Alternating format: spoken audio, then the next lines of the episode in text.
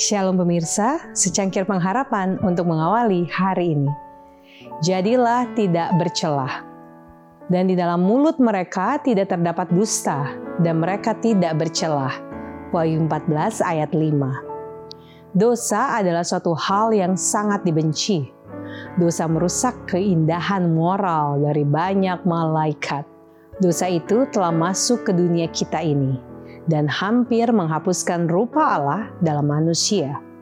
Tetapi dalam kasihnya yang besar, Allah menyediakan suatu jalan bahwa manusia dapat memperoleh kembali posisi dari mana ia jatuh karena menyerah kepada penggoda itu. Kristus datang untuk berdiri sebagai kepala bagi kemanusiaan, untuk melaksanakan atas nama kita suatu tabiat yang sempurna berapapun orang yang menerima dia, kepada mereka lah diberikan hak menjadi anak-anak Allah. Penyucian seluruh keadaan, kesucian yang seperti kesucian Kristus, persesuaian yang sempurna kepada kehendak Allah. Ke dalam kota suci di mana tidak akan dapat masuk sesuatu yang menajiskan atau dusta kita dapat menyatakan rupa Tuhan kita yang ilahi itu. Kita dapat mengetahui ilmu pengetahuan kehidupan rohani. Kita dapat menghormati pencipta kita. Lebih tinggi daripada yang dapat dicapai oleh pikiran manusia yang tertinggi. Itulah cita-cita Allah bagi anak-anaknya. Allah menginginkan agar pikiran kita bersih, perangai kita manis, kasih berlimpah. Kemudian kedamaian yang melampaui segala akal itu akan mengalir dari diri kita untuk memberkati semua orang yang berhubungan dengan kita.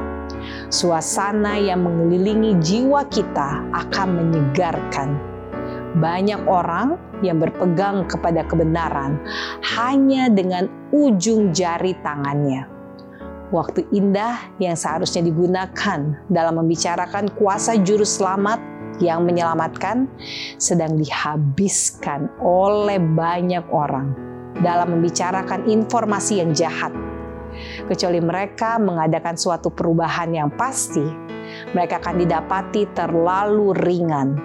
Kecuali mereka memperoleh suatu perubahan tabiat yang seksama, mereka tidak akan pernah masuk surga orang yang sungguh-sungguh bertobat tidak mempunyai kecenderungan untuk berpikir atau berbicara tentang kesalahan-kesalahan orang lain.